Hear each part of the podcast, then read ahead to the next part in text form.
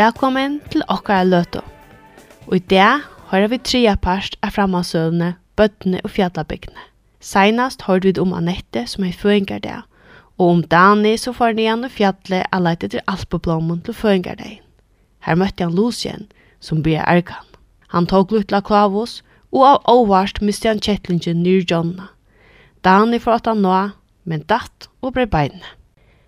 Dani la og luttle songsunne under heidun teppon. Heilt greier iver at han var en sera tutninga mykje personer og at alt som han bæ om var givi honom vitt det samme. Avtog at dette ångat i avurhei veri så, gjør det Dani mest møvlet bors urtøy. Papen stod ved fotaleie og sier henne fra at han må stortleste søvn hon har myntest. Annette sier at vi lin av henne ved en sjokolat og stong i håndene. Klavos la sema ringter oppi av brinkene av honom og spann, medan omma satt hinne megin ved henne skal av kyrkjebærgreite. Og hverja fer han be om meir, gav hon honom eina fotla skai.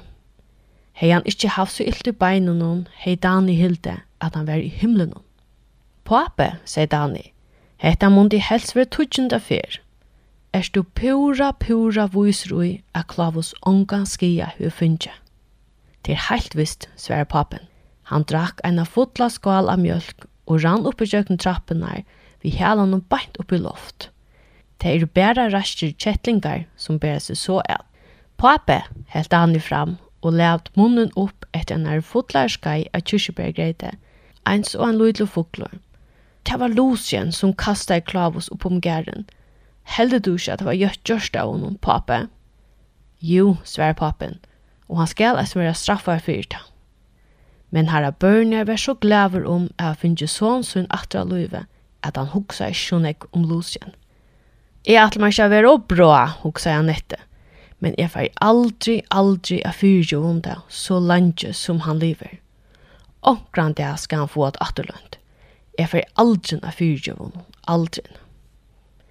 Netta, sier Dani, Kan du få en sukkerlaterstång så får jeg lägga mig och sova. Du måste være tjamar. Netta, du har sult i benen. Jak over, jeg Netta og gav hon sukkerlaterstångarna. Jeg skal være tjatar til du er sånn over. Papen og omman mossar han og för ut. Og Annette lei høttu tjónun mot i armen tja seg. Sink for meg, sier Dani. Sink, maten hånd min gode feir. Sikna nu i ledje meg. Det vært han lutta kvöldbunnen og i omman hei larston. Annette er ofta sunnkjan fyr, men i kvöld hei hun ongan ho a sunnkjan.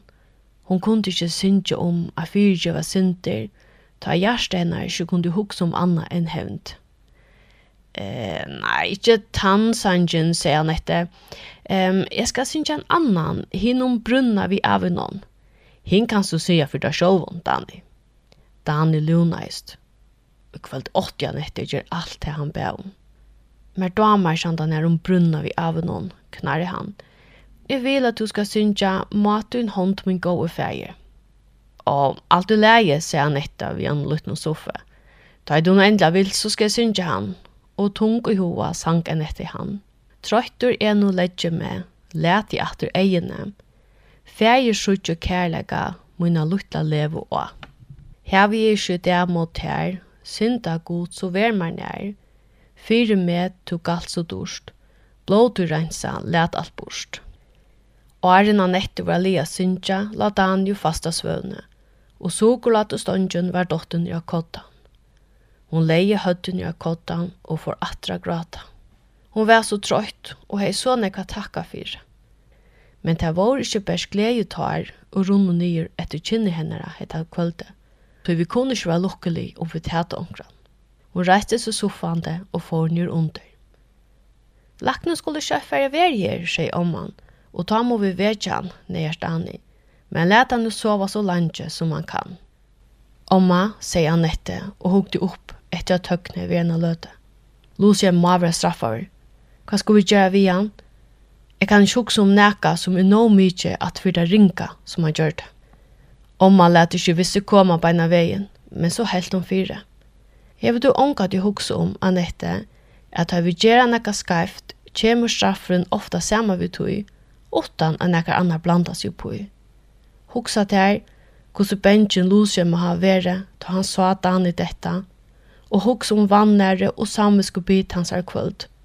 Hugsa om skammene og øtten fyre, at ånden fratta hva han har gjørst heldur du ikkje at han langke finnje no herra straff, og vi du stegin sko fyrjo vi honom og rønt av honom.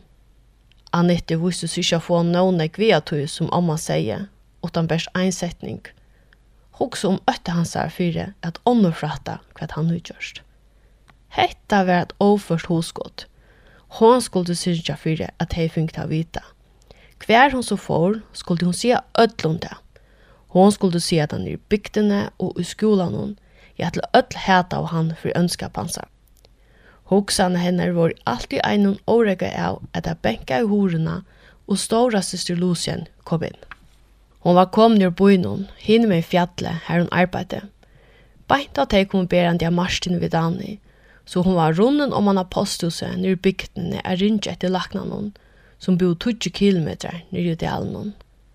Piljar lakte kan ikke koma, sier hun tyvande. Han er ferdig til han er sjuka kone er er bygd, og vi er ikke atter og er midnatt, og ta er sørste tårt til fære. Det er søtt da at de må få Daniel sjukrusen i morgen og er i hestavåknen, så lakten kan hitja at hun her. Takk fyrir Maria, sier omman. Det var vekkurs størsta til å affær fyrir okkur. Hon får ut av køtjen, men Maria stekka i forveden. Jeg sier meg Anetta, sier hun spekla, hvordan hendte vannlokkan, Hvor var mamma så tyjande og syrgen? Det hendte jo på fjallen, sver han etter beina veien. Lucian kassa i kjettlingen til Danin ur Gjønna, og Dani rundt av bjergkonnen. Lucian gjør de ikke for å stekke Dani. Det skulle ikke undra meg om han skumpa i han ut av. Jeg halte at han jo bråte beina. Han la her røyken i flere timer, åttan av Lucian seida for nøkron. Maria blikna i, så ytla vi gjør det sånn. Onka du hei hun hilde så nek av yngra brorsjøn. Han skal få av av vita, sier hun å. Det skal jeg syrja fyre, og så lei på hans det. Annette smultest. Jeg får hans her ekne av være mot honom var just det hun yngste.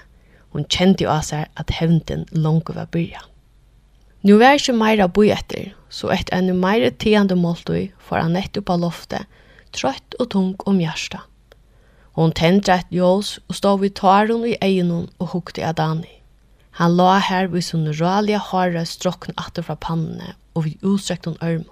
Frier som at jeg var i honom var borster. Kjolte svøvne sås han rikja pannene, og av og av flutte han høtti og frialige og motla og skyldig år. Annette leis jo sønnen til seg i vindeia, men så trøtt som hun var, så sovna hun ikke. Hon kjente seg einsamma og for å gråta. Men glad gjørtes sånn da tunglige fotafett hørtes kom opp tjøkken trappen her, og omman kom inn i kameret. Omman, som så skjoldt han kom på loftet, til hun fikk så illt ut av gikksjuk beinene da hun gikk opp trappen her. Omma, røpte Anette og rattet ut armene mot henne. Omma sier ikke løte. Hun sette sin i sønnsjene og kunde en tjøkken håret til hun takna henne.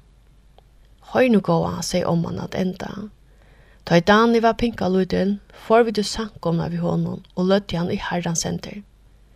Kvendt det vi bi herran om å halda vervet i ante armasjoner om han, og ta han i det at om han slepte i herren hon ikkje. Armar hans var om han atta tøyna, og sjålt om han er døy, hei han vil båren luka heim og himmelen. Så let han torska tøyrene, og framvis luta av at Herren vil varveita Dani og gjøre det som er best for han. Men kvile at god Lucien bæra seg så et mot Dani, spurte han etter. Amma, jeg heter Lucien og jeg atle høvn om det. Men så kan du ikke bia for Dani, Sverige om man stort og greit. God er kærleikje, og tar vi bia, vera vi dreien nær til kærleikan, og alt okkar hætur med brana bostor ein så uisrun brana fyrir varsålne, ta i hån skuinra han. La god teka seg av Lucien, Annette. Han lønner beida goa og ytla. Men gløym ikkje at god er loika god vi Lucien som vi Dani. Omma mussa i hanna og far ut, og Annette la og hugsa om det som omman hei sagt. Det er som hun sier, tror hun ikke på. Det er jo er møvligt, at god kunne elska den ønda, idlavorna og bytta, lusjen, luiga nek som den gåa og glia luttla Dani. Men det fyrsta hon sier, visste hon var satt, og det ørsymle henne. Hon kunne ikke velja bia for Dani og samstunds råleja hvordan hun best kunne få hevnt i lusjen. Hese beie kunne ikke sammeinast. Hon yngste er bia for Dani, men om hun gjør det, måtte hætre beinas bostur, og det yngste hun avgjørst ikke og hvordan så ikke så vær, før enn hun av røtten hei finnes seg. Men inntil ta kunne omman bia for Dani, og hun kunne selv rålegge hvordan hun skulle hevna seg. Lucien la eisen i songsun i myskronen. Han er sterska høve på henne, og fikk ikke blond i egene. Du kvarja fer han lette i atter, så han Dani dette han i djønna. Det verst han verlig av Jekvin, men han bortles mysk avgrund her du datt og ångan du stegga i atter. Onku du var han om a sovna, men kvarja fyrr vakna i han vi engjusråpe og eggust i hjertabenkan. Du dreymar hans var verre enn hoksan hans er. Bær onkur hei koma, til a vær så og hona litt av reinsamadler. Hon og langtus etter mammasune, tog han visste at hon var atterkommen. Han hørte henne gengan i køkkenon.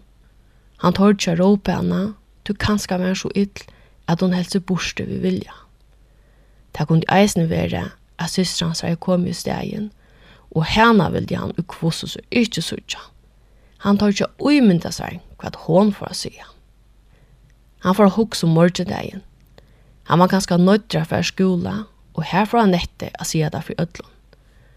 Ønskjene i hilde nekk av noen korsene.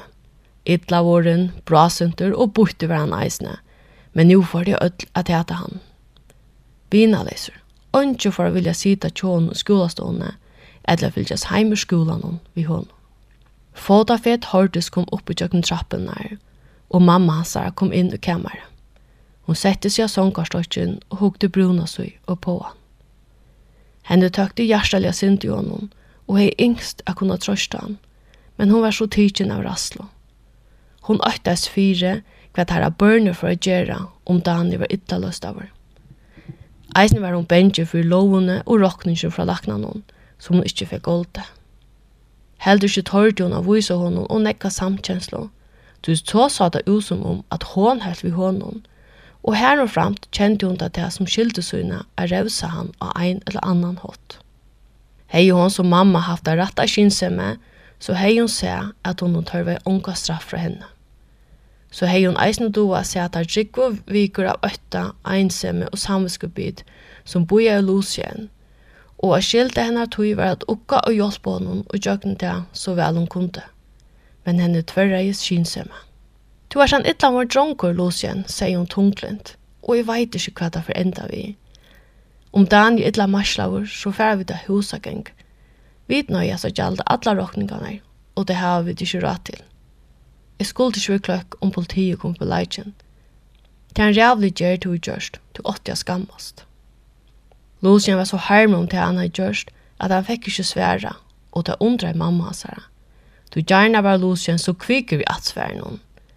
Det at han takte var sannlig han ikke ut. Vi må bare våna det beste, sier mamman at enda mildare malen. Og morgen kan du få si at heimann hvordan harm du er, og kanskje at det jeg får fyrtjøter. Hon bøy etter svære, men ikke kom. Så sier hun ikke meira og får sturen ut i kameran. hon. Kjøtt var han atter ved en heitar skål av heitar sjupan. Sjålt om det ikke var den rette løtan av trøstan nå, kunne jo hvordan hun at eta. Lucien tog skålene og rønte sopa, men da han finnes jo trutja fyr oppi bunnen, var han om av køttene og rette mamma skålene atter.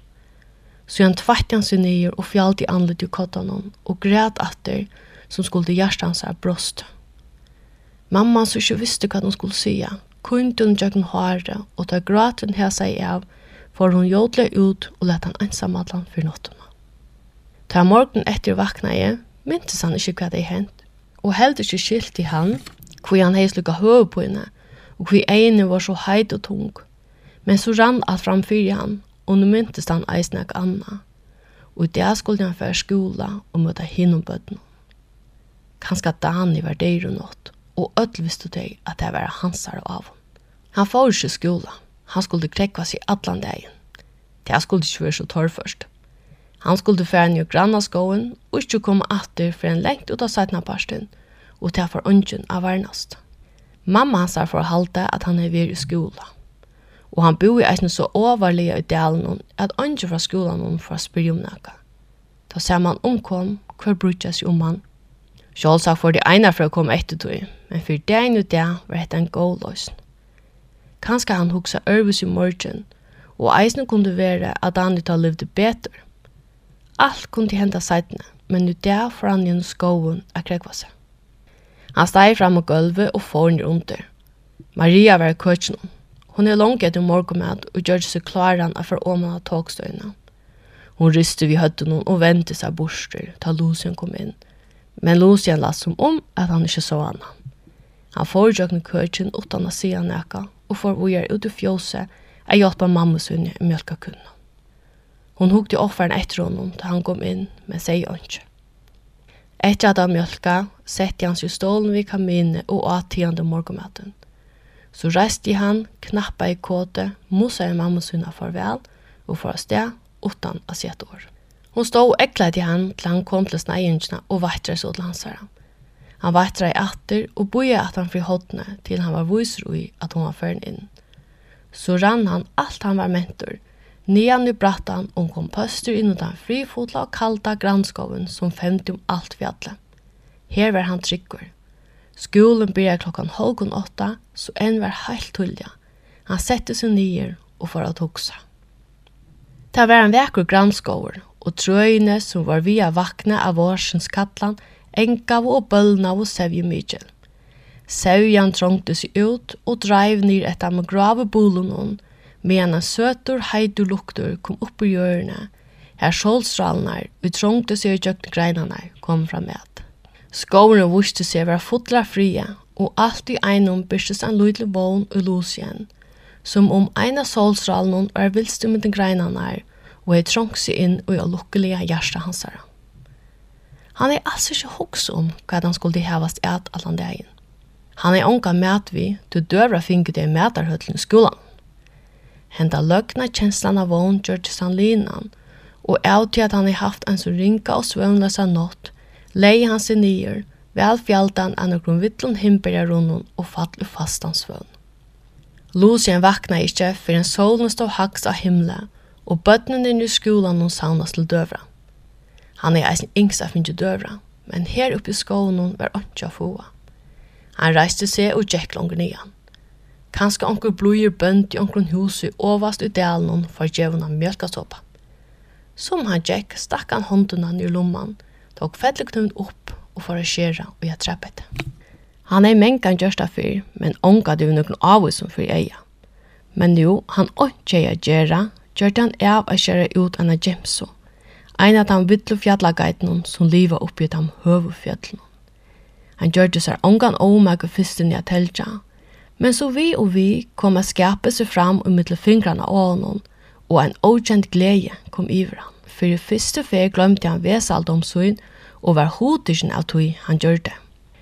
For det ser så han gjorde, og fingrene fylltes hoksa han hans herre. Et høtt vi vøkron bo av hon hodnon, og ein allspent tevjande nøs kom speklade skjøntar. Så kom og tvei vui oppen øyre som at jars luren tja veiemannen, så fyra klæner hekvar og ein kroppor, klarer til halda alle beins. Lucian helta fra seg vi utstrekken arme fri at jeg gleder det.